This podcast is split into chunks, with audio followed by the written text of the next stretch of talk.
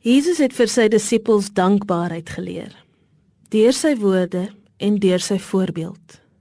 Dankbaarheid het hulle gehelp om die bron van al hul seënings te onthou. Dankbaarheid het hul fokus op God gehou, weg van hul eie prestasies. Jesus was van plan om hulle met wonderwerkende gawes te bemagtig wat die kerk sou vestig, maar hy het hul eers gelei om die gepaste gesindheid te hê.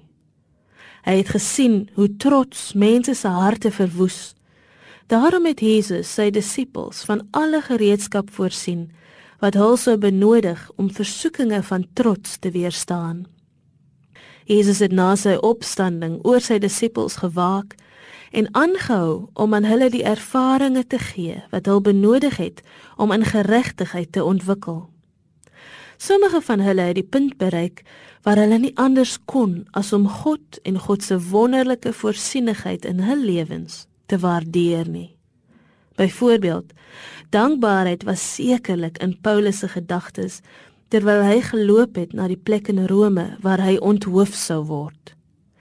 Dankbaarheid was sekerlik in Petrus se denke toe hy homself vir sy eie kruisiging voorberei het en dankbaarheid moes Stefanus se grootste emosie gewees het toe hy sy oë na die hemel opgelig het en van God vergifnis vir sy kwaaddoeners gevra het.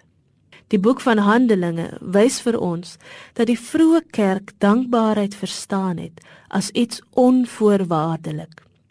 Selfs onder verskriklike vervolging het dankbaarheid na lofprysing en krag vir die kerk gelei.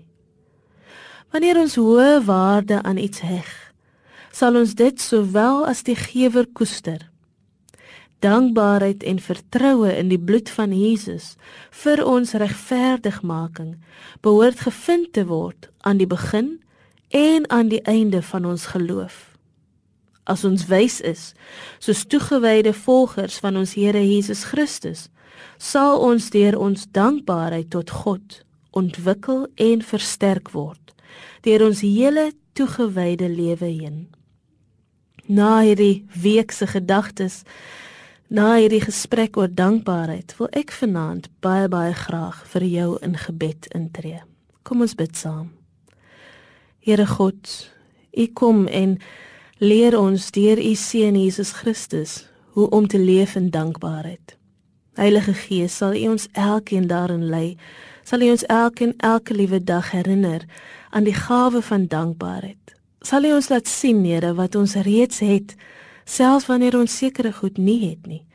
Sal U ons help om te fokus op al die seënings wat so ontelbaar elke dag oor ons neerstort. Here, wees ons genadig. In Jesus naam. Amen.